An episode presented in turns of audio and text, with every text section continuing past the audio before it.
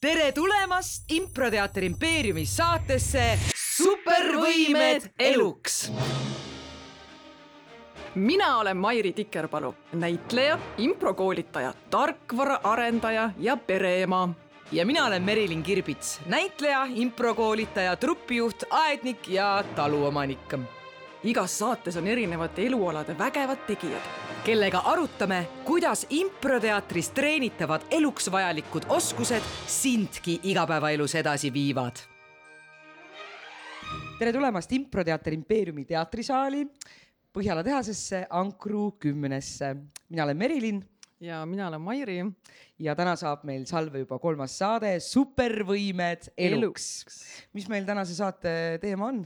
Täna on väga põnev mm. teema, kui me esimesed kaks osa rääkisime esinemisest, esinemise julgusest, äh, täna me räägime loovusest. just ja miks me seda teeme, sellepärast et just need oskused on need, mida me improteatris treenime, aga me teame, et need oskused on vajalikud ka kõigile igapäevaelus. näiteks Mairi millal viimati sina pidid päriselus loovust kasutama? no päriselus, minul on kaks väikest last kodus on ju, nii et see ilmselt ma ei pea küsima sinu käest, eks ole.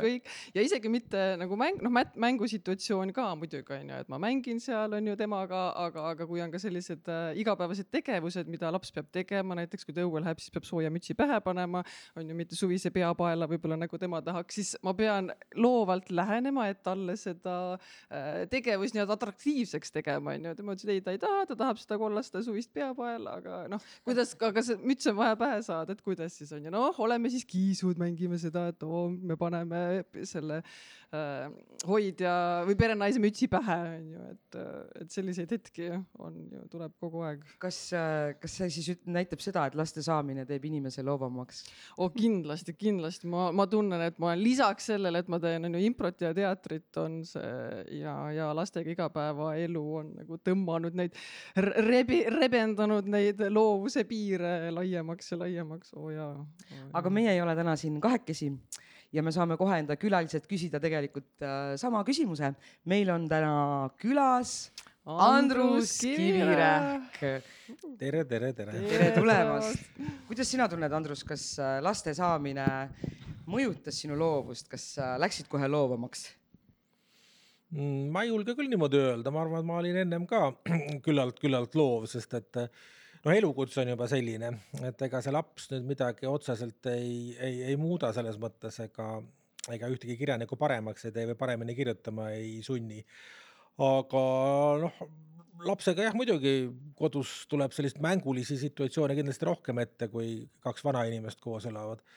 et selles mõttes jah, loomulikult, et, et on kuidagi selline uljem elu, muidugi kui lapsed kodus on ja saab rohkem nalja ja juhtub igasuguseid põnevaid asju võib-olla kui rääkida alguses üldse kohe natukene laiemalt, et, miks on üldse vaja loovusest rääkida, no küsin teie mõlema käest, on eriti nagu viimasel ajal, ma ei tea, mina olen küll tähele pannud, et noh, siin on aja, ajuteadlased kirjutavad, on ju raamatuid loovusest, noortekeskused korraldavad kampaaniaid, igaüks on loov.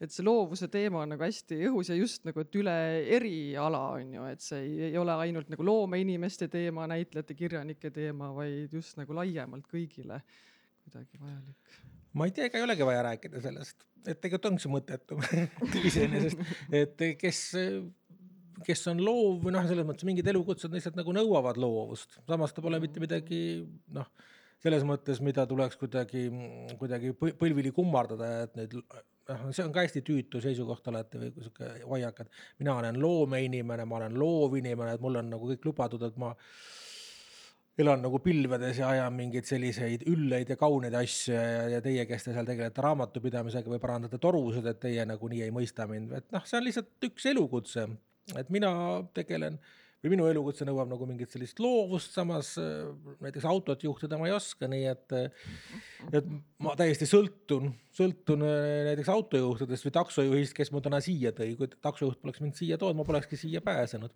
temal minu loovusest pole mingit abi, minul tema oskustest on väga palju abi, nii et noh, tegelikult see ei maksa seda jah, kuidagi nagu siukseks mingiks iidoliks või puuslikuks muuta seda, et keegi inimene on nüüd loov, noh on juhtunud lihtsalt niimoodi, mõni peab viisi, mõni ei pea, mis seal ikka jah, aga tegelikult on see ka ju igal inimesel on see loovus nagu sees olemas on ju ja sellises isegi igapäevategevustes, noh, seesamune taksojuht on ju, kui te oleksite, ma ei tea, ummikusse kinni jäänud on ju või sõidab see sahk mhm. seal ees, noh siis peab see taksojuht ju, et lahenduse leidmiseks mingis mõttes ikkagi ju kasutama oma loovust, et kuidas ta siis, kas ta sõidab tast mööda, kas ta keerab äh, ümber või mis, mis nagu lahenduse. no selles mõttes muidugi ja, et tegelikult noh, see on ju vana tõde, et ega elus äh, mingeid mustandeid ei saa kirjutada, et tegelikult sa oled ärkad hommikul üles ja sa peadki olema päev otsa loov, sest sa ei tea, mis järgmisel hetkel juhtub, et noh, kogu elu ongi mu mõte ongi selles, et sa kogu aeg oled ju loov, et isegi kui sa endale tekitad mingi rutiini,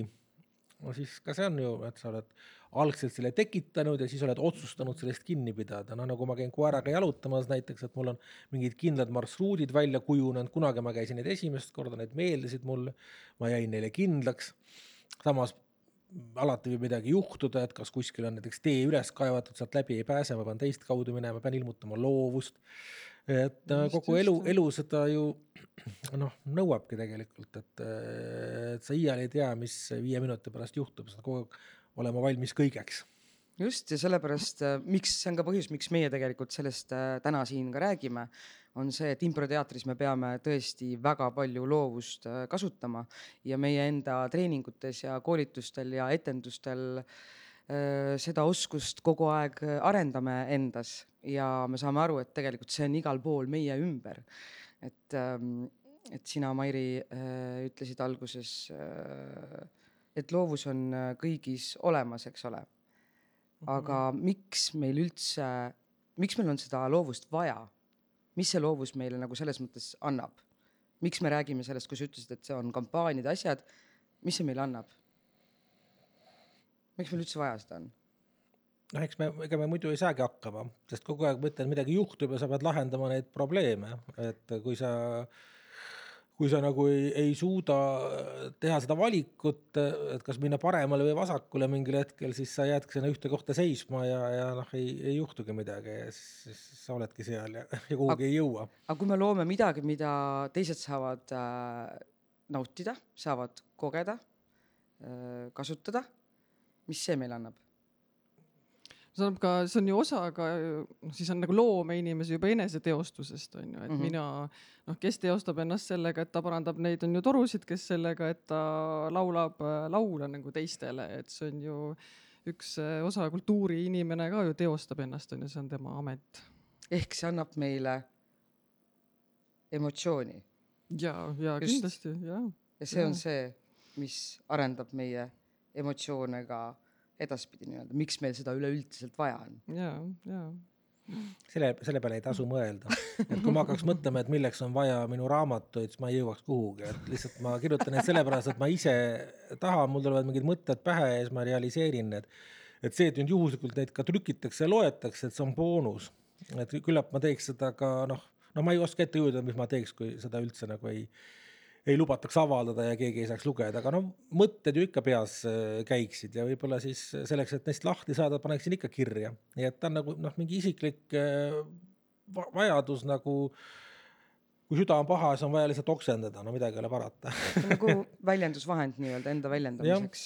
aga kas tõesti, kui sina kirjutad, sa ei mõtle üldse selle peale, et keegi hakkab seda lugema, sa ei lase kordagi seda nii-öelda kellegi teise arvamust endast läbi, et mida keegi võiks äh, arvata või? ei noh, selles mõttes ma olen teadlik, et tõenäoliselt keegi muidugi loeb seda, et, et ma ju kirjutan selleks, et ma viin selle teksti kirjastusse või teatrisse, et kuhugi see ju jõuab, ma olen sellest teadlik, aga kirjutamise ajal ma tõesti nagu noh, sellele ei mõtle, et ehkki see tekst tihti noh, teatri puhul eriti on ta ka tellitud ja selles mõttes muidugi ma arvestan sellega, et ma pean ta kuhugi saatma lõppu, lõpuks, aga kirjutamise hetkel tegelikult sa sellele ei mõtle jah, et sa lihtsalt nagu realiseerid mingit oma mõtet. paned selle lihtsalt äh, kirja, saad selle endast välja, sest muidu ta nagu vaevaks sind, et sa ei saaks keskenduda mingitele teistele probleemidele, vaid sul peas kogu aeg tekiks mingid laused, mõtleksid, et kuidas sellest stseenist edasi minna või midagi, et. et sellest nagu lahti saada nagu hambavalust, sa pead minema hambaarsti juurde, et see valu, valu võetakse sult ära ja mm, -hmm. ja samamoodi on see kirjutamisega ka, et sa lihtsalt kirjutad selle tühjaks ja siis mõnda aega on hea, aga siis mõne aja pärast hakkab mingi uus asi idanema seal kuskil ja hakkab jälle kiusama, kuni, kuni tuleb aeg tast omakorda vabaneda jälle, nii et aga seda, et nüüd noh, kellegi, et keegi seda kunagi lugema või vaatama hakkab, et noh, sellele mõtled siis, kui ta on valmis, et siis hakkad äh, pakkuma sinna-tänna või kuidagi, et mis, mis temaga siis nüüd peale hakata aga see on ka huvitav teema jah, et sa ütlesid, sul tulevad mõtted pähe, on ju, et paned need kirja, et kui palju on sinu kirjutamisprotsessis sellist ongi nagu spontaanset inspiratsiooni ja kui palju ikkagi distsipliini ja tööd, et võib-olla ei ole mõtet pähe, aga ikkagi istud ja, ja hakkad kirjutama. et see töö ja, ja loovuse nagu tasakaal. no distsipliin peab selles mõttes olema muidugi, et sa istud, kui sul on mingi pikem asi käsil, sa tõesti istudki iga päev mingil kellaajal arvuti taha ja, ja töötad, et noh, teates on seesama ju, et sa ka teie lähete improviseerima, aga etendus algab kell seitse, et noh, selles mõttes on paigas, et see ei ole nii, et algab siis, kui on suva, eks ole mm, -hmm. või et äh, aga samas kirjutamine iseenesest on ju puhas improvisatsioon. et sul võib enne olla, muidugi, sa ei istu päris nullist, et nüüd istud arvuti taha ja lased sõrmedel käia. Et sul on mingid mõtted peas, sa umbes tead, mida sa kirjutada tahad, kuhu sa tahad jõuda, aga sa iial ei tea ju, mida sa, sa ei tea, mis lausega sa alustad, eks ole, ja see ongi see põhjus, miks, mis tekitab teatud sellist mm, noh, seda tühja paberi või tühja ekraani hirmu, sest sa, sa ei tea, kuidas sul täna läheb. Sa istud arvuti taha ja sa hakkad improviseerima, sa hakkad looma neid äh, lauseid.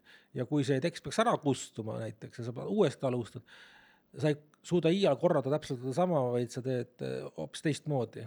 Mm -hmm.. noh, ja, ja see, see, see hirmutab tegelikult iga kord, sest sa ei tea, kas tuleb välja või ei tule. Sul ei ole nagu, sa hakkad diivanit kokku panema, siis on sul mingisugune õpetus, et kuidas need, mida, mida, mida kuhu käib, et kirjutamisel seda ei ole, et sul on jah, on, on, on teada, kuhu sa välja tahad jõuda millised tegelased, võib-olla sa oled kirja pannud endale, et mis mingis stseenis või mingis peatükis juhtub, aga tegelikult see, mis sõna teise järgi tuleb, et see sünnib äh, sel hetkel ja ja, ja seetõttu ta ongi jah, natukene hirmutav iga kord enne kirjutama hakkamist, kui sa juba kirjutad, siis sa kuidagi lähed sinna sisse ja tekib mingi sihuke noh nagu rattaga mäest alla sõites, et kuidagi läheb hoog sisse ja, ja tuleb ja tuleb ja sa ei mõtlegi enam, et see keeruline on, aga just see alustamine on alati natukene, natuke jube. Kas sul on mingisugused juurdeviivad harjutused ka? noh, et kui meil hakkab kell seitse etendus, siis me teeme ettevalmistusi, et noh, et sa tead, et äh, nii täna ma kirjutan äh, kas sa teed mingisuguseid äh, rituaale enne või teed endale olemise mõnusaks kuidagi, on mingisugused äh, väiksed asjad, äh, mis sind aitavad nagu kirjutamise sisse viia? ei ole tegelikult, no eks seesama ongi, et sa istud kirjutuslaua taha, avad arvuti, eks ole, otsid selle faili ülesse ja siis sealt, kus eelmine päev pooleli jäi, et siis lähed edasi, et see, see võib olla erinevalt, et mõni mm. päev on tõesti nii, et sa saad nagu hoo sisse ja sõrmed ei jõua järele, aga teinekord kirjutadki lause haaval, kirjutad lause, siis mõtled tükk aega, siis kirjutad järgmise lause, mõtled, siis kustutad selle eelmise lause ära, kirjutad selle asemele teise, aga noh, varem või hiljem sa, ta peab hakkama nagu ise mm, -hmm. ise, ise looma, sest noh, niimoodi ei jõua kuskile, kui sa teed seda nagu mingit tükitööd no see alguse teema on jah, no sellega ka inimesed maadlevad, ise mäletan kooliajast, kui oli vaja see kirjand kirjutada, on ju, et lõpuks, et see esimene lause saada, et kui palju sinna läheb mm -hmm. aega. sa muudkui lükkad edasi, lükkad edasi. jah, kirjand on selles mõttes hea näide, et, et ongi ju, eks ole, et on, on inimesi, kelle jaoks kirjand on kõige raskem eksam mm, -hmm. sest et kirjandiks ei saa õppida. et sa võid endale mingi matemaatika pähe taguda, sa saad spikrit teha ja sa oled nagu kindel, et kui see ülesanne tuleb, ma tean seda valemit ja ma lahendan ta ära ja samuti sa võid pähe õppida mingid aastaarvud ajaloos või, või geograafias mingid, ma ei tea, mis asjad. aga kirjandust nagu õppida ei ole võimalik ja see ajab mingid inimesed lihtsalt närvi, kes on harjunud õppima ja, ja, ja siis nad nagu ei, ei oskagi nagu ette valmistada, mida teha siis, et kas, kas siis noh, soovitatakse, ma ei tea jah, et lugeda ajaleheartikleid, et see annab võib-olla mingeid mõtteid, et mille üle siis arutleda kirjanduses või et või vanasti, kui olid rohkem sellised kirjand, väärtuslikud teemad, et siis aitas, kui lugesid Tammsaare läbi, et siis leidsid alati sealt noh, et jäi meelde, aga no tegelikult see ikkagi ei aita. et sa pead ikkagi hakkama jällegi lause lause haaval seda kirjandit kirjutama nullist. ja mõne inimese jaoks on see kohutavalt keeruline, kõige keerulisem. et ma mäletan ise kooli ajal klassis pidi ka kirjandit kirjutama ja siis mm, noh, matemaatikas või ükskõik mis aine, aines oli see täiesti võimalik, et sa küsisid pinginaabri või mingi teise käest, et kuule, et ütle ette, et mida, kuidas see vastus on, aga kirjandus see ei ole võimalik ja mõned ikkagi küsisid mu käest, et kuule, mida ma võiks kirjutada. ja noh, sa ei suuda, sa, sa ei saa vastata sellele küsimusele, sellele küsimusele ei ole vastust. iga inimese jaoks on see täiesti individuaalne, et kust ta minema hakkab ja kuhu ta välja jõuab. sa ei saa, sa ei saa kedagi aidata kirjutamise juures ma mäletan ise, kui ma kirjutasin seda üli, ülikooli lõputööd, hakkasin kirjutama niimoodi, et reaalselt esimene päev ma võtsin, tegin arvuti lahti, tegin selle Wordi dokumendi ja panin pealkirja mm -hmm. ja mhm. kõik no,. see oli mu esimene ja. samm.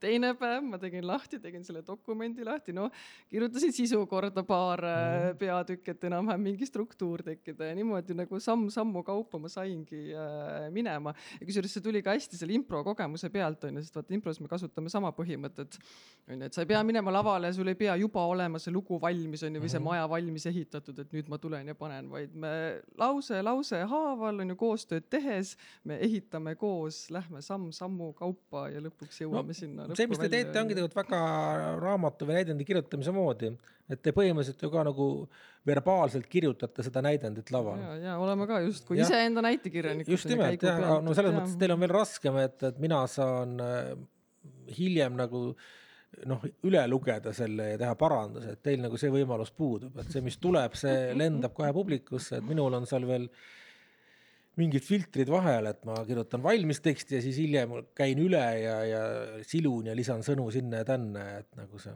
esimest, esi-, seda esimest improvisatsiooni nagu suudan toimetada natuke, mul on see võimalus, teil seda ei ole ja see on veel hullem aga siit küll minu meelest on hea, hea nõuanne on ju, mis võiks kõlama jääda ka, et kui kellelgi on, on häda sellega, et on vaja ära teha mingi, isegi töö juures kontoris on ju mingi esitlus on sul vaja teha, no hakka lihtsalt kuskilt pihta on ju, see ei pea sul juba olema täiuslik, äh, valmis esimese hooga, tee see mingi mm -hmm. esimene slaid ära, noh ja juba sellest oled sa kuidagi juba targem, saad juba innustust juurde, lähed edasi, edasi, edasi, nii et sa ei pea teadma seda lõpp-punkti, vaid tee see esimene samm. ma kuulan teid ja mul äh, tõesti, mina, vaata, mina olin see, kelle, kes oli problemaatiline, minul oli väga keeruline kirjandeid kirjutada mm. -hmm. ja ma olen väga palju hiljem mõelnud selle peale, et miks see niimoodi oli.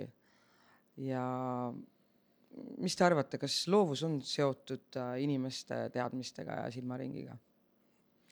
ei ole üldse, tegelikult. aga miks mina olen alati arvanud, et ilmselt, et on, sest et äh, mulle tundus, et minu mõtted ei vääri äh, äh, nii-öelda paberit või et minu mõtted pole piisavalt head ja see enesekriitika enda vastu mm -hmm. takistas mind täielikult igasugust, ma isegi ei andnud koolis oma kirjandeid ära.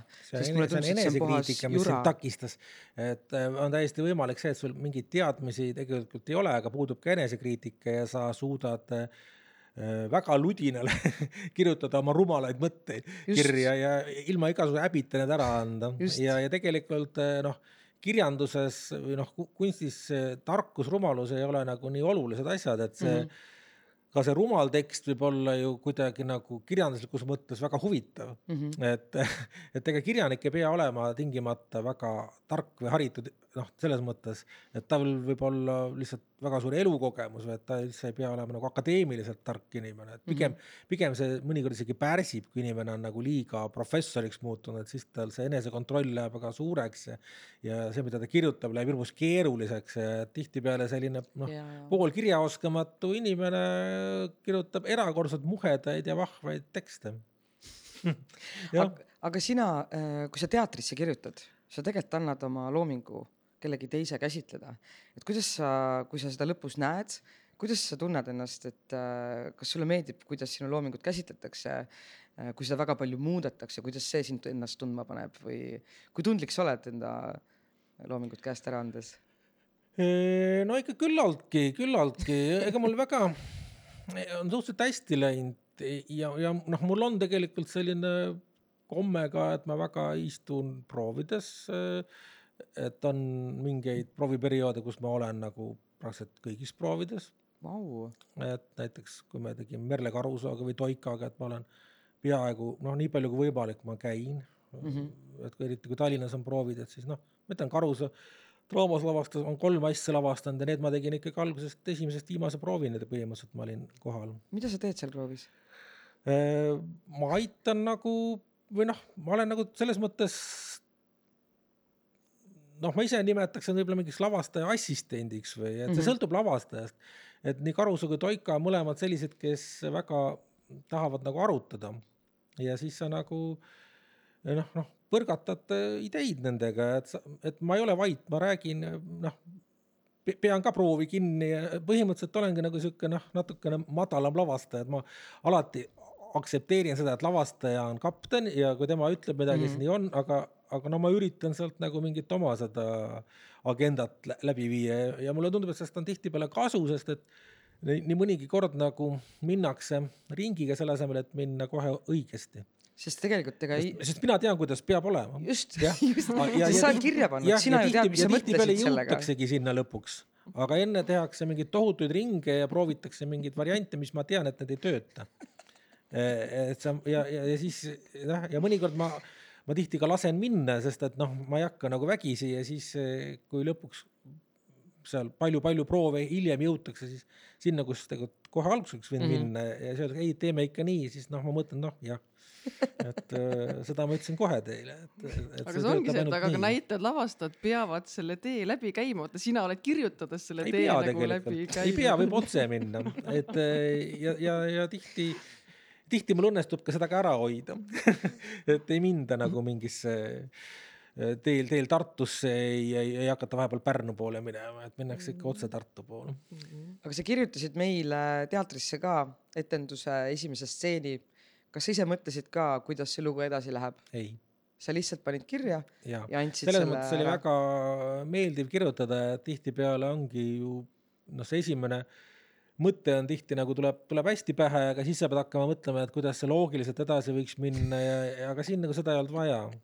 et oli ainult see esimene äh, veider idee, ma panin selle kirja ja muu ei olnud enam minu mure kas sa oled valmis tulema ka vaatama oma järgmist äh, asja, et kuidas see võiks ja, muidugi, edasi minna? ja muidugi väga huvitav, ma seekord lihtsalt ei saanud, aga mm, -hmm. aga tegelikult on see väga põnev, et kuidas nagu edasi minnakse sealt, kus, kus, kust, kust mina edasi mõelda ei viitsinud aga kuidas sa küsin vahepeal siis sellise küsimuse, et kas sa oled oma elus, oled ka teadlikult oma loovust siis nagu arendanud või tegelenud kuidagi selle treenimisega või see kõik kuidagi on sul nii loomulikult nagu tulnud mm,? et ma ei tea, nooruspõlves no, seal nagu, kuskil. noh oled sa nagu tööd teinud sellega, et oma loovust, fantaasiat arendada? iga, iga kord, kui sa midagi kirjutad, sa nagu natuke teed jälle trenni järgmiseks korraks, et see on nagu noh, teatris, eks ole, et mm kui näitleja läheb, lõpetab lavaka, läheb teatrisse tööle, siis äh, ta peab saama võimalikult palju mängida, et see nagu arendab teda, läheb aina, aina paremaks, kunstnik peab kogu aeg maalima, eks ole, kui ta, kui ta ei maali iga päev, ütleme, et siis mingi hetk läheb nagu roost ja, ja, ja samamoodi kirjanikul on ka, et lihtsalt peab olema nagu töös, et see ongi see treenimine. et ega seal mingit sellist et ma nüüd kirjutaks mingeid tekste lihtsalt selleks, et ennast treenida ja mida ma ei kavatsegi avaldada. et see on nagu täiesti mõttetu minu meelest või, või, või et, et näitleja valmistaks ette mingi rolli, mida ta ei kavatsegi kunagi laval mängida, aga lihtsalt kodus peegli ees mängib selle maha lihtsalt selleks, et nagu noh, see ka nagu ei, on nagu noh, totter natukene, et, et olles töös sa kogu aeg ju arened nojah, mhm. näitlejad selles mõttes äh, võib-olla Mairi mõtles ka seda, et noh, näitlejad tegelevad mingi, harjutavad diktsiooni no,. liiguvad. no see on selge, et sa hoiad nagu oma kehavormis ja mm -hmm. diktsiooni, et näitleja töövahend on nagu tema ise, tema keha, et selles mõttes seda tuleb jah, nagu see on natuke teine asi mm, -hmm. et kirjanikul seda nagu noh, selles mõttes ei ole, et kirjaniku töövahend on tema arvuti, et ta peab vaatama, et arvuti oleks töökorras, et see, see on pigem see ja noh, et mõistus oleks endal ka korras, et sa selles mõttes jah, et sa purjus ei kirjutaks ja ma ei tea, noh, siuksed asjad loomulikult on ja et sa ennast, ennast äh, lolliks ei, ei, ei jooks või ma ei tea, mida ei teeks, et hoiad ennast nagu vaimu värske ja mm. -hmm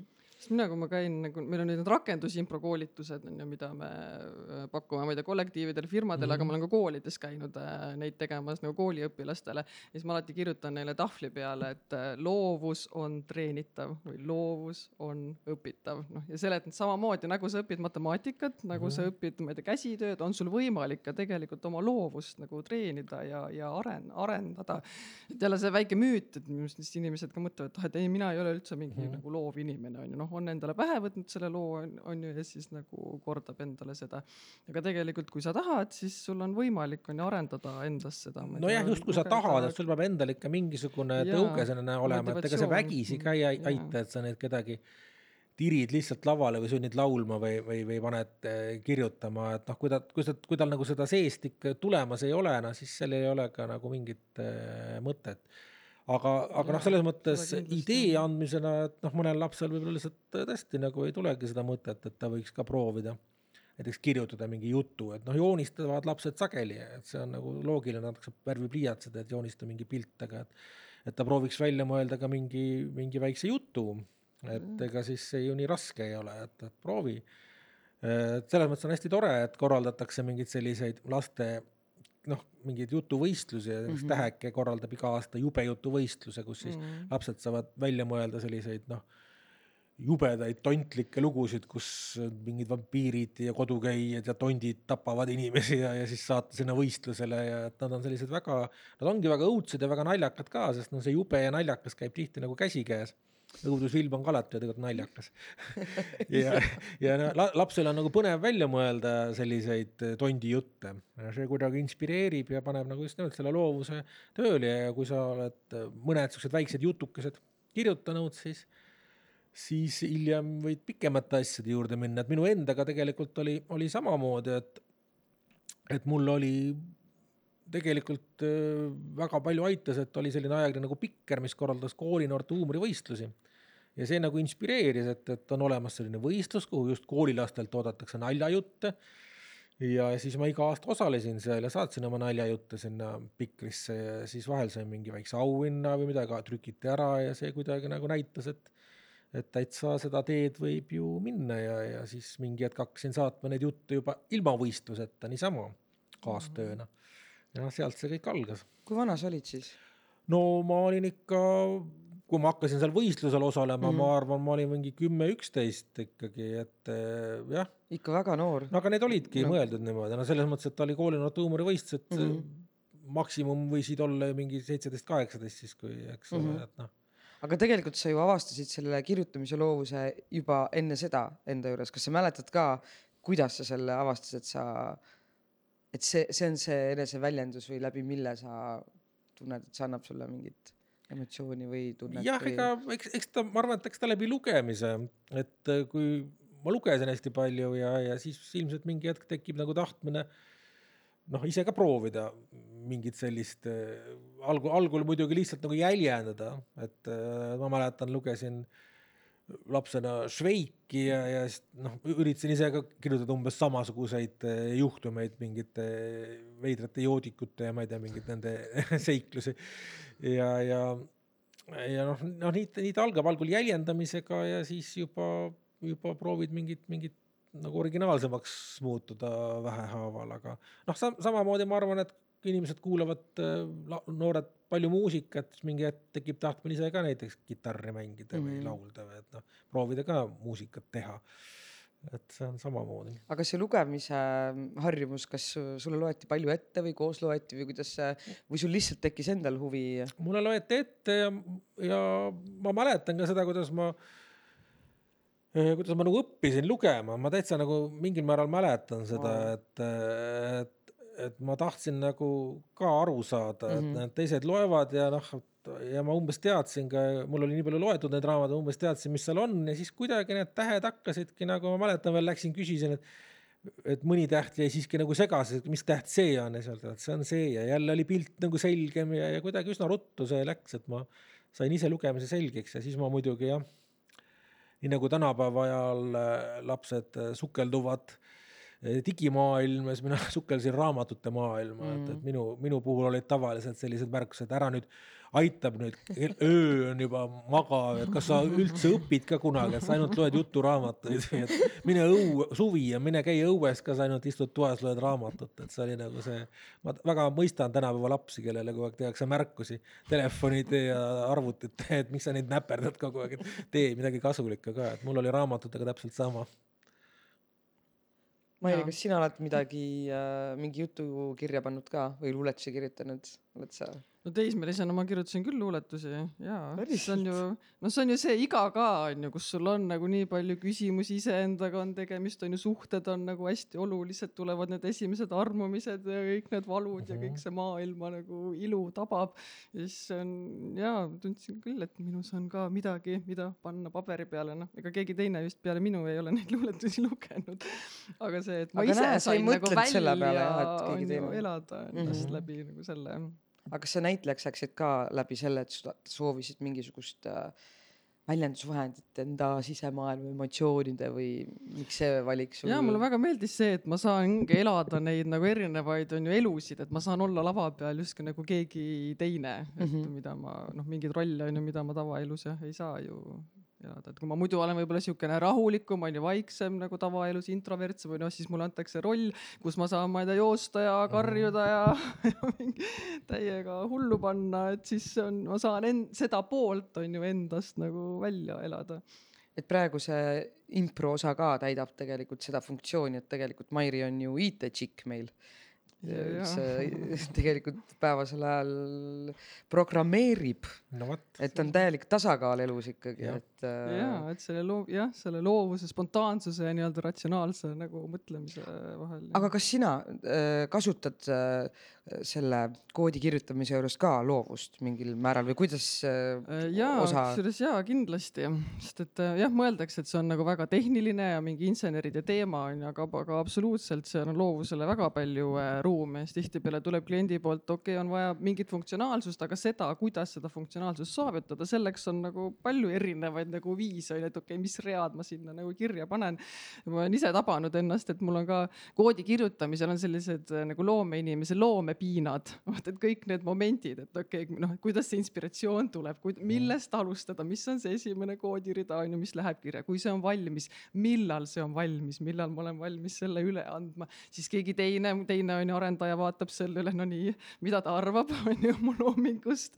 Ja kuni lõpuks äh, võib-olla on vaja seda funktsionaalsust muuta on ju ja see läheb muutmisele ja siis on see et aa, minu lapsukene on ju mida sellega nüüd tehakse et noh täielikult mm -hmm. No loome täpselt. Piinad, sama protsess põhimõtteliselt ju, ja ja väga absoluutselt põnev.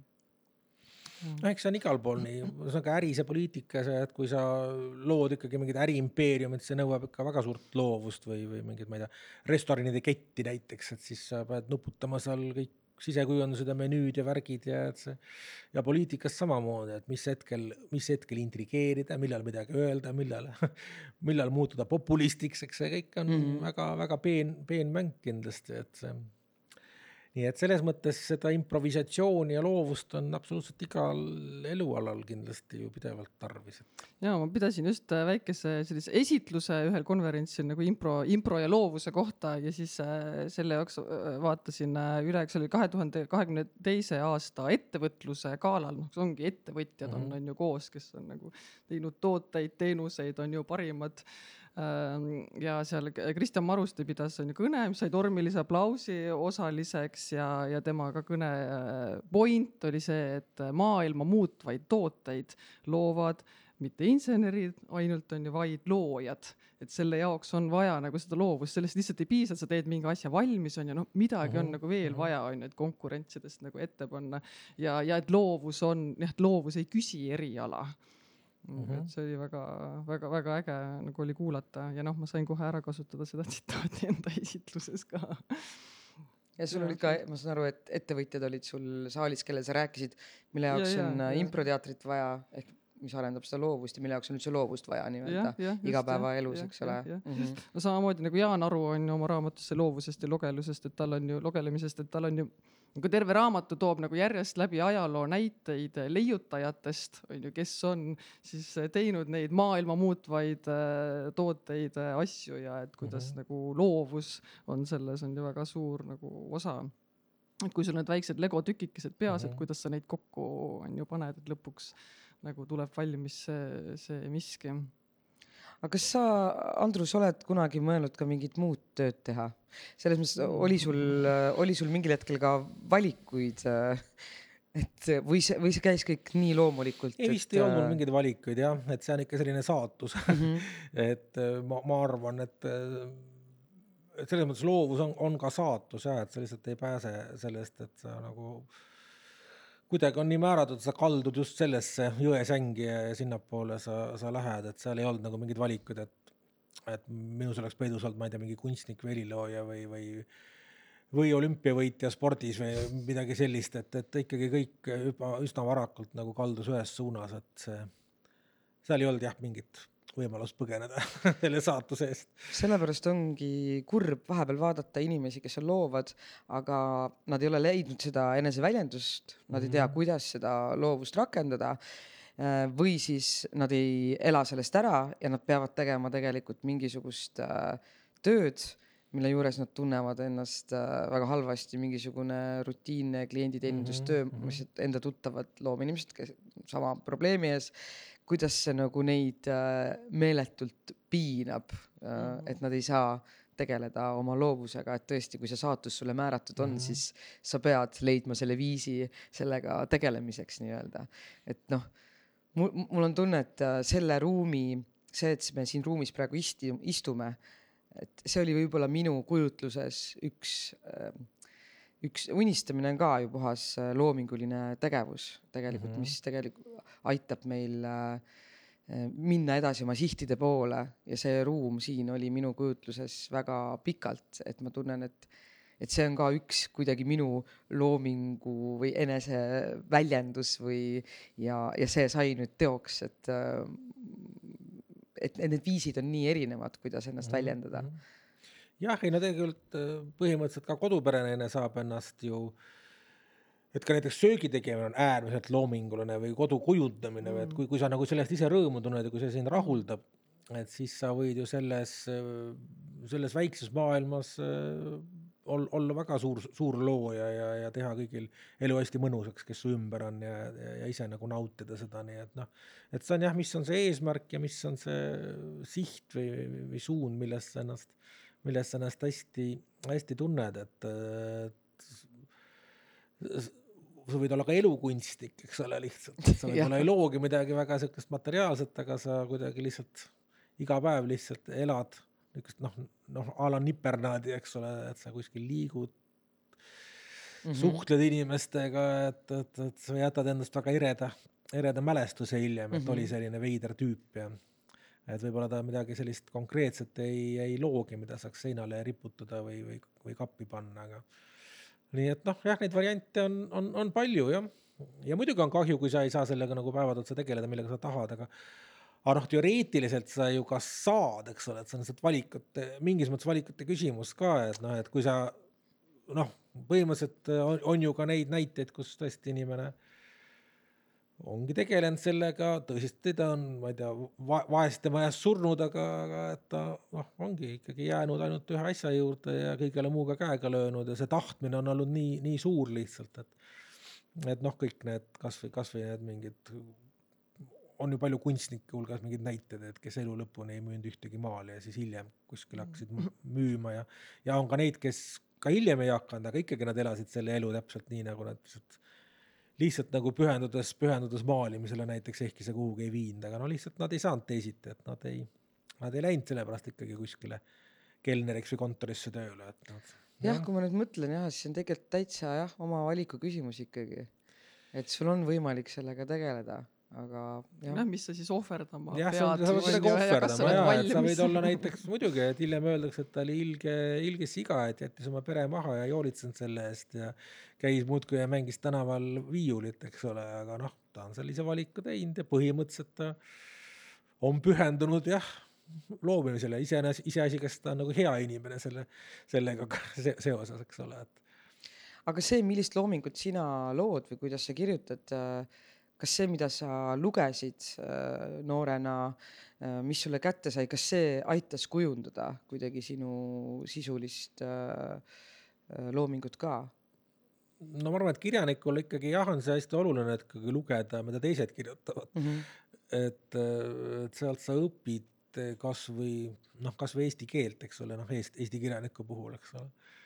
et ja, ja ta ikkagi on, on nagu selline noh, ongi nagu õpik, et ega mujalt kirjanikuks ei õpita ju mm. -hmm. et näitlejatel on koolid, heliloojad õpetatakse konservatooriumis ja kunstnikke, aga kirjanikel ju sellist kooli ei ole, et ta ikkagi puhtalt, õpib teiste autorite pealt ja, ja siis lihtsalt elab ja, ja kogeb ja siis kuidagi selle muudab kirjanduseks hiljem kõik, mis ta kogeb elu, elu jooksul kuidagi topib sinna sisse. nii et jah kuidas natukene rääkisime nendest nagu takistustest ja piirangutest, et kas sa oled ise ka tajunud nagu enda puhul või pannud nagu märganud, et mis, millised jah, nagu takistused või, või piirangud sulle tekivad, kui sa kirjutad, noh, et kas on kõhklused, kahklused, kas see on piisavalt hea, kas või mingid, no, mis sind nagu hoiab tagasi seda loovust no,? mul on vedanud, et mul nagu siukseid väliseid piiranguid nagu eriti ei ole, et ma nüüd peaks minema mingile täiesti kirjandusvälisele tööle ja, ja saaksin kirjutada ainult õhtul Äh, pärast, pärast äh, väsitava tööpäeva lõppu, et, et ma olen ikkagi kogu aeg nagu ära elanud äh, erinevate asjade kirjutamisest, et ega midagi muud eriti teinud ju ei ole. aga no kõhklused ja hirmud on kogu aeg samad, ega siis iga kord, kui sa raamatu valmis saad, siis mingi asi on nagu valmis, aga uue asja alustamisel alati kardad, et et äkki sa oled minetanud kõik oma oskused ja äkki ei tule enam midagi välja, sest et nagu ma ütlesin, noh, see on, ta on puhas improvisatsioon ja sa kunagi ei tea, kuidas sul äh, kuidas sul läheb, et kuidas need sõnad üksteise külge hakkavad ja kuidas üks lause teisest välja kasvab et see, see, see, see jah, sünnib, sünnib nagu, nagu mingi taim, eks ole. et sa, sa ei oska teda ette ennustada. aga seal on ka vahe sees, et kas sa kirjutad, äh, mis sul enda sees tuleb või siis tellitakse sinu käest töö? no sa saad ikkagi kirjutada ainult seda, mis su enda seest tuleb, et kui sul tellitakse, siis sa noh, pead ikkagi selle enda seest üles leidma, et see aga kas keegi on väga spetsiifiliseks ka läinud selle tellimusega, et mida, mida sinult äh, soovitakse või oled sa? ei no ma, ma nii väga spetsiifilisi asju nagu, ei noh, mingid, äh, mingid, mingid suunad ju võib, võidakse kätte näidata, aga lõppude lõpuks sa ikkagi pead selle enda seest nagu välja mm -hmm. tekitama enda sisse selle, sul peab tekkima see tunne, et see on ainuke asi, mida ma praegu just kirjutada tahan. et kui sa vägisi teed, sealt ei tule midagi, seda on targem üldse mitte teha, et noh, et kui see on sulle kohe algusest peale vastumeelne, et siis ütle kohe ei, et ei, ma seda, seda ei tee ja ongi, ongi kõik, aga sa pead nagu ise leidma selle, et tõesti, see mõte on väga huvitav, tõesti ja hea, et sa mulle ütlesid ma tahtsingi seda teha, ma lihtsalt ei teadnud ise, et ma tahan, aga tegelikult ma väga tahan seda teha. ja siis nii see ongi. noh, eriti pikemate asjade puhul sa kannad seda endas ka tegelikult ju piisavalt kaua mm. -hmm. et see ei ole nii, et sul tellitakse ja homme hakkad kirjutama, noh, kui on mingi näidend või, no näidend ongi põhiliselt, mida tellitakse, aga mm -hmm. romaane ja novelle ei tellita aga kui tohib küsida, kaua, kaua sa kirjutad ühte näidendit või see on nii erinev? ta on ikka erinev, aga ei no näidendit noh, ta tuleb välja mõelda enam-vähem mm -hmm. noh, loomulikult mitte niimoodi, et ma nüüd tean, kes mida ütleb ja neid repliike, et see kõik, ma ütlen, see sünnib improvisatsioonina, aga põhimõtteliselt mõtled ta välja. ja noh, kirjutad juba mingi kuu aega, kas kauem ei kirjuta, et aga noh, ta peab olema sul peas enam-vähem nagu teada, et kuhu sa minna tahad ja kuhu sa välja tahad jõuda aga kas see teadmine tuli läbi mingisuguse tellitud töö ka, oled sa teinud tellitud tööd, mis ei õnnestunud või ütlesid, ma ei ikka. ole enda arust, et ma ikkagi. oled kõik äh, ellu viinud ma ja olen,. ei no vast... pooleli ma pole küll jätnud midagi jah et.... aga kui palju sa ära pead ütlema, mõttes, et, et ongi, et sa ei. no ikka ütlen ka mm., aga noh, ütleme selliseid noh, ma nagu lähtun, lähtun palju, palju, paljuski sellest, eriti viimasel ajal, et on mingid asjad, mida ma tunnen, et kui mina ei kirjuta, et siis need jäävadki kirjutamata või et keegi teine kirjutab halvemini. et siis ma võtan selle töö vastu aga ma tunnen, et keegi teine saab ka sellega sama hästi hakkama, et ma ei viitsi et sa saad valida? ma saan, noh, valida ikka jah, alati saab valida aga siis. aga mingis jah. mõttes on siis see tellimustöö ka jälle nagu see võimaluse andmine on ju, nagu me enne rääkisime ka, et noh, on see improkoolitus on ju õpilastele mm., et me anname võimaluse tal on ju seda loovus endas nagu äh, äratada või üles leida, et siis tellimus on mingis mõttes ka, et, et vot antaksegi no, võimalus. jah, aga no ega, ega seal loovust. muud varianti ei ole, et kui teater tahab midagi lavastada, ega siis lavastaja ise ei hakka seda kirjutama, et mm. ikkagi otsib kedagi, kes, kes haakuks selle ideega ja oleks nõus seda tegema ja, ja mõnikord ma tunnen, et noh, et ma tõesti olengi Eestis eh, kõige õigem inimene seda kirjutama, et kui keegi teine teeks, siis see oleks selle teema raiskamine. Ja siis ma võtan selle vastu. Aga kui palju sa tõesti ka nagu kustutad ja, ja, ja, ja loobud enda nagu juba loodud äh, mingist tekstist, noh et vaatad, et mingi täielik jama, kõik kustutan ära, hakkan otsast peale. ei, päris otsast ma ei hakka. Et äh, noh, muidugi ma toimetan ja parandan teda, kui ta on juba põhimõtteliselt nagu sellise toormaterjalina valmis, et ja, ja aga, aga nii, et ma nüüd täitsa oleks ära kusutanud või äpardunud, et et seda nagu ei ole, et see, see ongi nagu teatud mõttes ju vist mingi professionaalsus. ja, ja, jah, äh, kindlasti juba jah, kogemus ja. jah, et noh, et ega äh, kui kutsud remondimehe remonti tegema, ta teeb ka remondi valmis, aga ta jätab pooleli. see oleks ju kole. Et ei, mul ei tule välja, et ah, las ta jääb. ja läheb minema.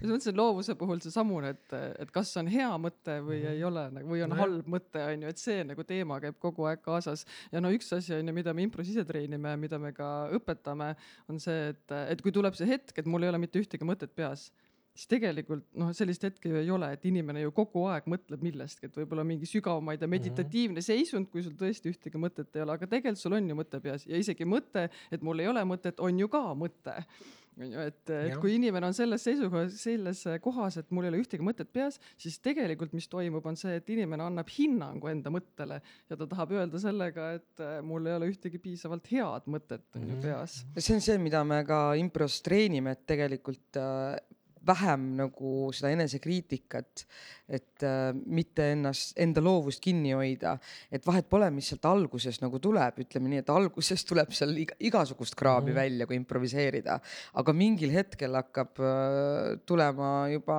päris äh, head asja sealt altpoolt, et see esimene kiht tuleb kuidagi pealt ära saada. ja, aga Ja seda enne ei saa ära, kui sul on see nagu kriitika on ju ja sa ja. ei hakka seda nagu välja andma, et äh, impros ja mida me ka nagu koolitame, et sul on, et esimene mõte on õige, et see on õige, on ju, mine sellega ja siis noh, sa jõuad välja, on ju, vau Mhm,, kuhu. et kui inimestelt see soorituspinge nagu maha võtta, noh, ma ise mm Mhm. -hmm. näen on ju enda koolitustelt seda, et kuidas, et alguses on jah, oi, okei okay,, mis see õige vastus on, on ju, vaadatakse mulle otsa. ma ütlen, et aga see on sinu loovus on ju, see kõik on õige, et lase tulla, aa, okei okay,, ma võingi nagu öelda, mis mul peas on, on ju, ma võingi, võin ka eksida, on ju, võib ka sassi minna ja kust nagu siis mm Mhm. -hmm. hakkab tulema ja siis inimesed ise ka üllatuvad, et vau, et noh et mul tuli, et sellised ideed on mul sees olemas. ma ka tihtipeale ma koolituse lõpus teen ka sellise nagu väikse noh, tagasisideringi, igaüks saab öelda, on ju, mis ma siis kaasa võtsin ja mis mulle meeldis ja siis äh, mulle on meelde jäänud ka üks kooliõpilane oli see jälle tüdruk, kes muidu äh, terve noh, tunni aja oli selline pigem nagu tagasihoidlik, noh midagi ta tegi ja siis lõpus ütles, et ma sain teada, et äh, ma võin olla palju loovam, kui ma arvasin mm. -hmm ja noh, mis minu jaoks oli nagu täielik jackpot on ju, kõik mu töö on nagu täiega tehtud, et Jah, anda see- jälle see võimalus võtta see kriitika maha ja, ja Mhm. siis hakkab tulema inimese Mhm. seest. jah, see enesekontroll ja kri- enesekriitika on ilmselt jah, sellised üsna halvavad võivad olla, et äh, no nagu sa tegelikult rääkisid oma kirjandist. Aga kust see tuleb? see tuleb äh, esiteks koolist, no sest et sa pead kõike õigesti tegema, kõik vastused peavad õiged olema. võib-olla minu teisiti mõtlemine ei sobi sellesse keskkonda, siis ma lähen tööle ja kui see on spetsi-, spetsiifiline töö, siis ma ei tohi eksida, ma pean täpselt tegema nii, nagu seal on, sest et noh, okei okay,, ma saan aru, kui sa opereerid valesti, siis on väga pahasti, aga vale vatsakese kallal oled siis. aga see, et, et see, et minu võib-olla oma mõtted ei ole õiged või et äh, see faktiteadmine pidi kooli ajal olema äh, see ainuke asi, mis sul on mm. -hmm. et sa loovust võib-olla koolis ei kasutatud ikkagi nii palju, et minu arust noh, ma ütlen, see sihuke improvisatsiooniline draamaõppetund võiks olla väga koolis, üldse suhtlus, enda mõtete avaldamine võiks olla suurema kaaluga kui praegu võib-olla noh, programmides on. Akadeemia teeb ka seda impro kirjutamist on ju, et äh, tuledki ja mm. -hmm. vaatad, Ma olen mõelnud selle tuleb peale. nagu. sest minu arust kirjutamine on üks asi, kui lihtsalt mõtete väljaütlemine, mul on tunne, et kui sa hakkad kirja panema, ma olen proovinud mingit dialoogi kirjutada, sest ma olen mõelnud, ma ei ole aru saanud, kuidas see ikkagi käib. sest noh, me muidugi siin vestleme, peame dialoogi, aga miskipärast, kui ma pean hakkama reaalselt kirjutama, siis see ei tule välja. Et ma olen mõelnud, et kas sellel on ikkagi oma mingisugune süsteem kindlasti, see ei ole ju ikkagi see, et ma lihtsalt hakkan lauseid looma, see ei ole võimalik ju või, või ikkagi noh, me peame dialoogi praegu selles mõttes, meid on mitu, eks ole Jah. et kui sa üksinda hakkad kirjutama, siis sa pead nagu iseendaga dialoogi pidama, et see on nagu keerulisem mm. -hmm, et mm. siit tuleb praegu nagu, sinult tuleb impulss, ma vastan sellele, eks ole, mm -hmm. et noh, et siin, kui inimesed omavahel vestlevad, seal tõesti nagu midagi ei ole ju ette valmistada või kokku leppida, et see on üks, üks asi, mida meilt alati juurega küsitakse, et kas me oma saadet valmistame ette, et no loomulikult mitte, sest see ongi kahe inimese vestlus, et sa ei valmista ju ette, saad sõbraga kokku, et sa nüüd ennem mõtled, mille, mida ma temaga rääkima hakkan või et noh, et see ongi puhas improvisatsioon, et mina ütlen, Juur ütleb, see ärgitab minus mingeid mõtteid, mida tema on öelnud, ma vastan talle ja noh, niimoodi see ongi, kõik inimesed tegelikult suhtlevad omavahel nii, et seal seetõttu meil seal raadios midagi ette valmistada ei ole, me läheme lihtsalt kohale, lülitame mikrofonid sisse ja, ja räägime ja noh, kui korraks nagu hoog maha läheb, siis paneme muusika mängima, selle ajaga kogume enda läheb, läheb jutt edasi.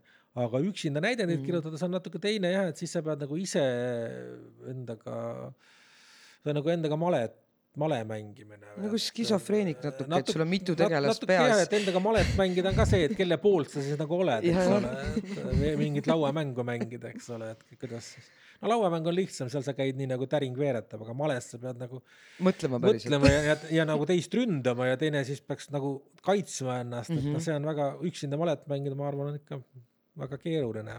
sest tõesti mitmekesi mängida pole probleem, sest pigem on see, et mõtteid on isegi liiga palju. et mis on meie impros põhiprobleem, et pakkumisi on liiga palju mm. -hmm. et tegelikult tuleks võtta see üks pakkumine ja sellest välja imeda kõik äh, situatsioonid ja olukorrad. aga miskipärast äh, inimesel on nii palju mõtteid peas ja. siin on ka see kohanemise äh, olukord on ju, et jah, üks asi on see, et okei okay,, et mul üldse, et ma leian ennast selle loovuse, et ma julgen selle idee mm -hmm. välja öelda, aga nüüd on ka see, et kas ma suudan ka sellest lahti lasta on ju jälle teise sammuna mm, -hmm. kas ma suudan nagu kohaneda ka teiste ideedega ja teiste kujutlusvõimega mhm, kaasa minna mm. -hmm. et korra, et see töö, et ma leian üles ja see töö, et ma suudan lahti ka lasta.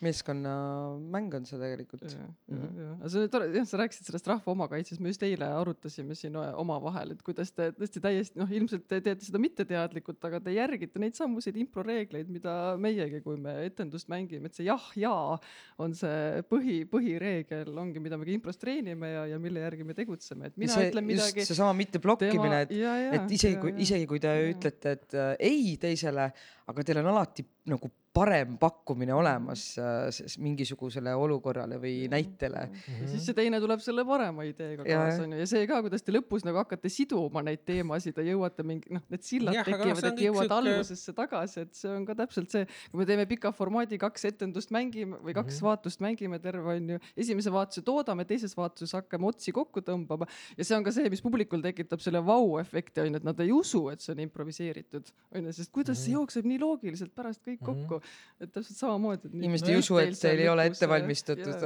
skript on ette kirjutatud. ta lõpuks jõuate ju tagasi. kui ta oleks ette valmistatud, siis ta jookseks kohe kinni. sest et eh, noh, siis, eh, siis ta muutuks tuimaks.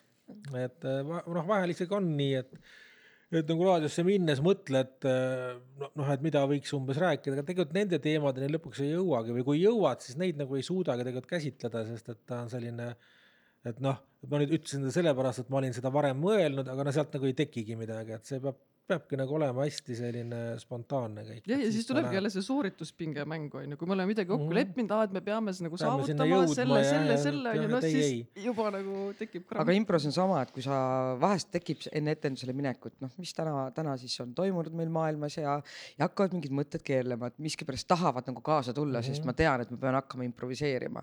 aga nii, kui sa oled proovinud kasutada mingit mõtet, mis on sinuga kaasa tulnud teadlikult, see ei tööta et äh, siis tekibki kohe, sealt ei lähe mitte midagi edasi. ongi, vot see on õige, meil raadios on samamoodi, et, et, kui on mm -hmm. nagu mingi asi peas olemas, me ei olegi seda kokku leppinud, eks ole, aga mul endal on kuidagi, et mm -hmm. vot seda võiks ka tõstatada kuidagi või, aga et sealt et ei noh, jah, ta kuidagi tuleb sellise tuima tükina mm, -hmm. ilmub sinna eetrisse ja, ja kukub jälle maha ja ei hakka lendama.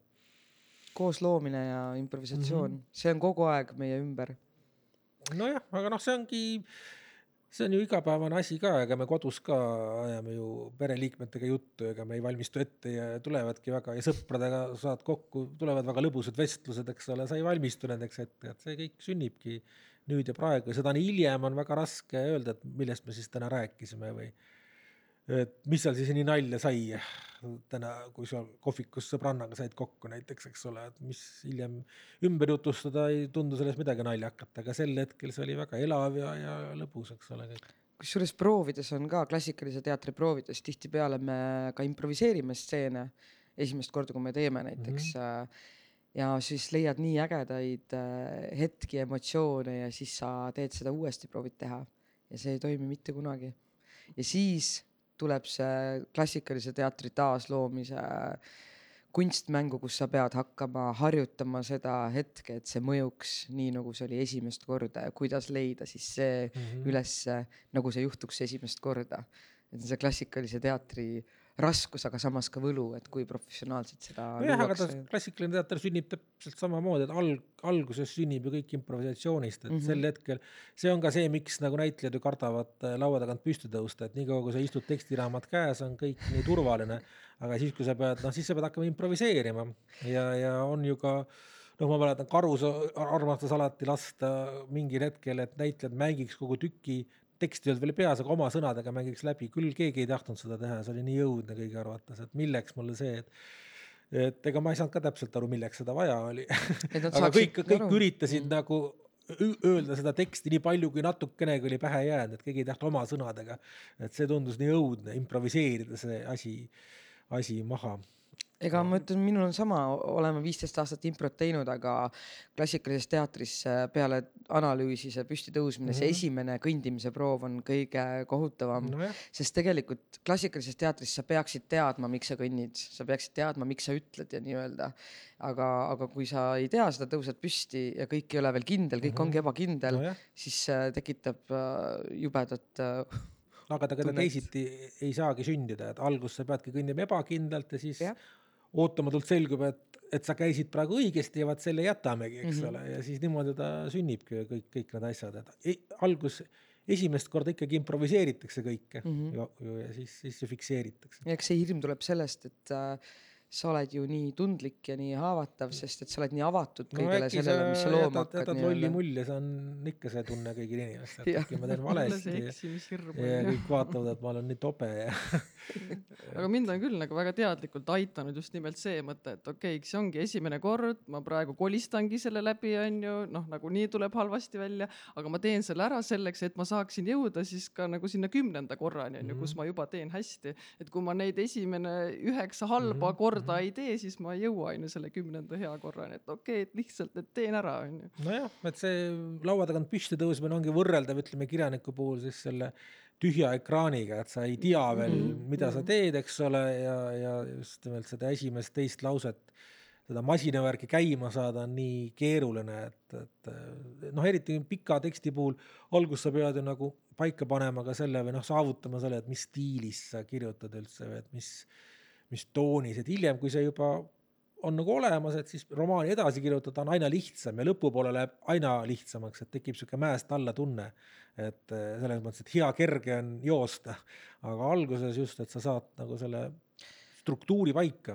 jah, see ongi vist see, et kui sul on nagu maailm valla enda ees ja sul on nii palju valikuid ja, ja ükskõik, mida võid mõelda, siis Just. tekib korra see seisak. aga kui sul juba mingisugune ja. väike inspiratsioon antakse, et mm -hmm. see on see ka, miks me küsime publiku käest kasvõi ühte sõna, et tegelikult kui meile ka öeldakse, et hakake lihtsalt improviseerima, siis äh.... ei, see on jah, väga raske muidugi, et kuhu jah ei, aga noh, kui keegi ütleb juba.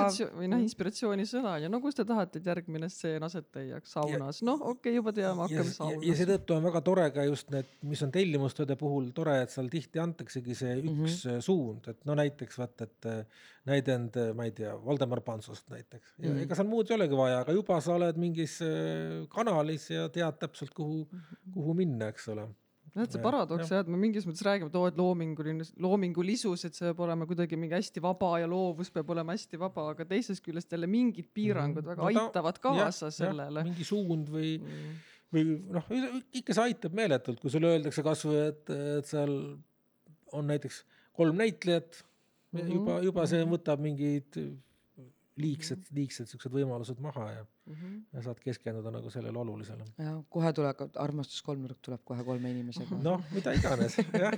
kes, mis no, kõik lood tuleb? räägivad ju armastusest, see on ju kas, kas sina, Andrus, arvad, et kõik lood räägivad armastusest? ei, kõik küll ei räägi ju et äh, näiteks Becketi Godot oodates ei räägi armastusest minu meelest, et. see on armastus ootuse vastu. no näiteks ja need kindlasti tuleb, kindlasti tuleks veel palju näidendeid meelde või, või romaane, mis, mis ei räägi otseselt armastusest. kasvõi seesama minu lapsepõlve lemmik Šveik ei rääkinud armastusest, et seal võib-olla oli mingeid stseene, kus keegi kellelegi külge lõi, aga üldiselt ta ei rääkinud armastusest kindlasti. Nojah, vaat siis me jõuame juba siia, et äh, mis on armastus ja mis No no, mis on armastus sinu jaoks või sinu jaoks või minu jaoks, et jah, kas ma armastan seda vürtsi äh, kilu või ma armastan oma meest või ma No armastan sellist oma armastust lapsi onju. kodu, kodu, kodumaa armastus ja nii edasi, et seda saab alati jah pookida muidugi, et et sõja, sõjafilm räägib armastusest kodumaa vastu muidugi jah. aga ega tegelikult meie aeg hakkab otsa saama. Nii et Mairi, kas sul on veel midagi, mis sul hingel pakitseb, mis sa tahaksid küsida või, või arutada? no võib-olla küsid ka jah veel, Merka, sa alguses minu käest küsisid, et veel äh, Andruse käest, et seesamune igapäevaelu äh, loomingulisus, et kas sul, tuleb sul meelde mingisugune seik või mingi kuskil sattusid kuskile jamasse ja nüüd pidid mingi loova lahenduse leidma või mingi probleem oli vaja lahendada oma, ma ei tea, igapäevaelus. Ei no eks iga päev lahendad, lahendad probleeme, et mingi, mingi asi kaob ära, siis sa pead loovalt otsima seda, tuletama meelde, et kus ta viim-, kus ma teda viimati nägin umbes ja ja nii edasi, et, et see, see, see kõik, kõik on ju, ma ütlen, et tegelikult on kogu elu väga loov, sest et äh, nüüd me siin räägime ära, ma pean ka lahendama loova küsimuse, et kuidas ma siit koju saan. see on väga keeruline, aga, aga ma saan sellega hakkama, sest ma olen väga loov. jah, ja kui palju me igapäevaelus kasutame seda väljendit, et ah, et ole loominguline või noh, et mul on vaja ja kuidagi mõtle- koju saada, no ole loominguline. no ja inimesed ongi ja saavadki, keegi ei jäta, ikka nuputatakse buss läheb katki, ta leiab mingi muu võimaluse, eks ole. tegelikult iga olukord, kus on nagu midagi on vaja lahendada, kui ma olen mingi probleemi ees mm, -hmm. isegi kas see on mingi tehniline probleem on ju, kas see on see probleem, et mul on vaja kirjutada äh, raamat, on see probleem, et mul äh, kõrbes mm -hmm. muna põhja pannile, et see noh, et kõik, et nendel hetkedel ju see loovus on ju käivitub. jah, niipea kui nagu rutiinist kõrvale kaldud, niipea Just, tuleb jaa. kohe ilmutada loovust. äh, nii-öelda stseenis mingi sündmus jah, ja siis me näeme, et kuidas ta selle sündmuse lahendab, kui loovalt ta lahendab selle sündmuse nii-öelda. väga kenasti viisid teatrimaailma kohe selle. aga nii on, aga seda on kõrvalt näha, et kui kaks inimest tekib üks olukord, kui erinevalt nad ikkagi lahendavad seda mm Mhm. -hmm. ja sa näed, üks on väga loov, aga teisel nagu väga palju Teine ei ole kinni, jah. väga ja just jookseb kinni jah, et see loovus aitab meid ikka igapäevaelus äh, väga palju. nii et, aga aitäh sulle tulemast, Jaa, meie kutse vastu võtsid ja ja hästi palju loovust sulle veel juurde, juurde, juurde. tänan, see kulub ikka ära. aga tead, enne kui me su siit äh, ära laseme, siis no. meil on sulle esitada üks väljakutse. no seda ma kartsin, et ega nii lihtsalt ei lähe kunagi. nii, oleme siin väljakutse platsil ja järgnevaks väljakutseks on sõnade moodustamine ehk me hakkame kolme silbi kaupa, moodustame sõna, täiesti uue sõna, väljamõeldud sõna ja siis paneme proovile oma loovuse ja proovime anda sellele sõnale tähenduse. jep, aga proovime, kuidas see käib. saadame silbi teele. Si, Pi, Ra. Sibira. mis on Sibira? Merilin, sa tead kõike Sibirast. Sibira on üks väike sihuke, väike lind, kes, kes, kes lendab just vastupidi talveks Eestisse ja, ja suveks läheb minema. Sibira. Sibira, see on täiesti täiesti õige. meie hakkasime ka see aasta toitma neid ja nad tegelikult ei toitu tavaliselt nagu meie leevikesed äh, pekist ja, ja seemnetest, vaid äh, nemad söövad äh, vorsti. Ja mis häält nad veel teevad. Nad on karvased ka. ja kui tavaliselt ärkad, kevadel ärkad Sibira. linnulaulu peale üles, siis Sibira ju uinutab. ma ei saa magama jääda enne, ma pean ootama, millal see Sibira tuleb sinna toidumajja ja siis mul, siis ma uinun tema ja laulu saatel. päris paljud eestlased on juba Sibira endale tuppa pannud puuri, sest et see aitab lastel ka magama jääda. nii et annad Sibirale natuke vorsti, ta tuleb sulle puuri ja laulab teie lapsed magama. see on täiesti õige. nii ta on jah. nii, no veel. Jaa. Va. su, ikk, vasuikk. vasuikk. no see on selline äh, kreem, et kui sa hakkad äh, nutma, siis äh, määrid seda endale peale ja siis emotsioon läheb kohe paremaks ja nutt läheb üle. vasuikk. Kus sa seda, seda määritakse silma alla siis?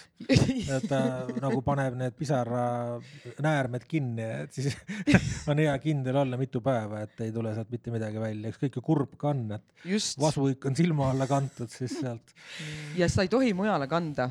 ei no mujal ei ole mõtet, et ta on ju silma vastu, et selles mõttes jah, et ja eestlasel on väga kuum kaup, me oleme harjunud enda emotsioone nagu alla suruma, et me ei näita välja, et siis Mhm. nii kui see turule läks, esimene laar kohe müüdi paari päevaga välja ja. kusjuures, kui sa ei nuta ja siis määrid, siis ta ajab su nutma.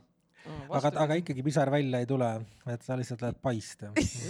just, vedelik kogub ja siis peab arsti juurde minema ja vedelikku välja võtma süstlaga juba, et olge vasuikiga väga ettevaatlikud. ta on retseptiravim ka tegelikult. igaüks ikkagi ei saa, et see itk peab olema ikka väga suur. vasu. vasuik, see on täiesti Õige. õige. nii on. teeme ühe veel. no kuhu me, kes see viimat-, viimasena ütles? mina ütlesin, mina saadan siis Silvi mm,. rimm, pull, sii, sii, rimpulsi, rimpulsi, rimpulsi, rimpulsi. rimpulsi jah. rimpulsi, Andrus, räägi, mis on rimpulsi, kohe saame teada. see on äh, üks amet. see on üks amet, mis, mida, mida, mille pidajaid on tegelikult äh, vä- väga vähe ja, ja see, nad töötavad metsas ja nad teevad noh, siukseid asju, mida tegelikult ei tahagi rääkida väga. kas need on riigi palgal? ei, nad ei ole riigi palgal, et ta on selline, see on sihuke noh, improvisatsiooniline asi, et sa pead ise hakkama seda tegema ja keegi selle eest ei maksa, aga see on väga tore töö, et sa veedad metsas väga pikalt aega ja sa teed seal asju, mida, mida valjusti välja öelda ei tasu. kas need on loomingulised? ei tohiks ka sellele küsimusele vastata, see on üks väga salajane amet, Rimpulsi. ma olen mõelnud sellele ametile, aga pole veel kunagi Kas nagu oled- söandanud, aga ma ei taha rohkem sellest rääkida. aga kas sa oled, ma saan aru, et sa oled teadlik ja sa oled näinud Repulsi me olen mehi, naisi? paar korda olen elus näinud jah, et nad, kes on näinud, ei taha neist rääkida. Aga kas need on mehed või naised, kas tohib või, Ei, või, või, või ka see ei see- ole nagu äh, asjakohane küsimus? seda on väga raske kindlaks teha nende puhul. Ja, ja üldse see on selline teema, mida, see on väga halb, et see praegu tõstatas, sest ja ma olen isegi guugeldanud Repulsist, mitte ühtegi ei vastet tule ei leia., ei tule, need on kustutatud, need on kustutatud, sa proovi neid. näiteks kommenteerida mingit artiklit, kirjutada Impulsi alla, see ei, kohe kustutatakse kohe ära. operaatorid kohe sööstavad kallale. kusjuures äh, Maire Aunaste püüdis ükskord äh, ühte Repulsit saada kätte ja ja vaadake, mis juhtus, kohe tuli skandaal Maire Aunastest. ta see jäi on vana, nagu ta jäi vanaks, läks pensionile. see, väga ohtlik ikkagi Jah. kokku puutuda Repulsiga. on, et et jõulude kõige ajal hullem ka on see, et jah, et sa ei pruugi isegi aru saada, et see ongi see Rimpulsi onju, et kui ta kõigepealt tuleb sulle, et nagu hakkab sinuga rääkima, et siis ta võib ära petta. aga Jaa, miks jõulude ajal eriti te olete ohtlik? metsa puid kuuski tooma, et Ja, siis ja. peate peale Ja, passima, et ükski impulsi ette ei satu. kas repulsid saab ka metsast kuidagi eemale peletada, et kui sa lähed metsa ja tahad, et ka- karu ei tule, siis sa trambid jalgu või karjud, et kas repulsid saab ka kuidagi eemale ajada? impulsi ajab ise kõik eemale. et sa nagu tunned, et sa ei taha sinna minna. vaat siin metsas on rimpulsi. jah, neid, neid Eestis ikka leidub jah. nii et aga on see väljasurev liik? ei, need sure kuhugi välja, ära seda, ära seda looda, et need on ja jäävad. aga vaata jõuluajal viiakse ikkagi metsa Süüa loomadele või? ja kas rimpulsile võib ka midagi viia? noh, jah, sa võid naabri viia või. või halvad lapsed. halvad lapsed võib viia jah, jah, jah. kellest lahti tahad saada, need, need vii. see ongi rimpulsi see on täiesti õige aga Andrus, aitäh sulle, aitäh sulle, et sa väljakutse vastu võtsid. no mis mul üle jäi?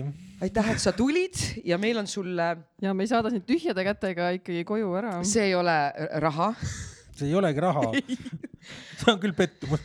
siin on äh, kaks äh, kinkepiletit meie etendusele. kui sa ise ei taha tulla, sa võid rimpulsidele anda või eks ma võin need maha müüa muidugi. ja jaa. kevadhooaja mängukava meil on juba väljas ka, nii et saad Siis kodukale kodukale mida- minna mida ja valida sa võid tulla tänan. enda etendust vaatama, et mida me sellega teeme jah,, just, ma tulen. kuigi seda sa saad niisama vaadata. et sa võid neid muuks kasutada. jõuluvana kotti panna need, kui sa soovid. Jõuluvana kott on tõesti jah. seda on hea panna ka, kott ei lähe lõhki. sihuke libistad niimoodi sisse. kas sa oled jõuluvana kunagi mänginud? ühe korra lasteaias, kui mul kunagi üks vanim, vanem tütar käis äh, lasteaias, siis ma jah, käisin mängimas jõuluvana. ja see viimaseks korraks? see jäi viimaseks korraks ja tegelikult rohkem pole kutsutud, et ega mul otseselt midagi selle noh, mingit allergiat ei ole jõuluvana mängimise vastu, aga, aga õnneks pole pakutud ka, ega mul ei ole ka kutset või noh, sihukest imu õudselt jõuluvana mängida. aga jah, jah. see loovus on sinus veel rakendamata. vähemalt, ei no ma olen korra teinud, et selles mõttes noh. maitse suus on. maitse on suus ja ma tean nüüd on aeg elus, elus edasi liikuda uute väljakutsete poole väga tore, aga ja suur aitäh sulle veel tulemast, suur aitäh teile vaatamast, kuulamast. Ja tõesti, ja kui sa kuuled ja mõtled, et oh, äkki minus on ka mingit rohkem loovust sees minu äh, kollektiivis või minu sõpruskonnas, siis äh, vaata ka julgelt, mis meil Kodukal pakkuda on. rakendusimpro koolitused või siis tule mõnda improteatri kursusele. või alusta sellest, et sa tuled vaatama improteater impeeriumi etendusi ja saad näha, kuidas meie loovus siis välja näeb ja saad teada, kas see sulle ka meeldib ja siis saad tulla juba osalema. aga te vaatasite, kuulasite saadet Supervõimed eluks.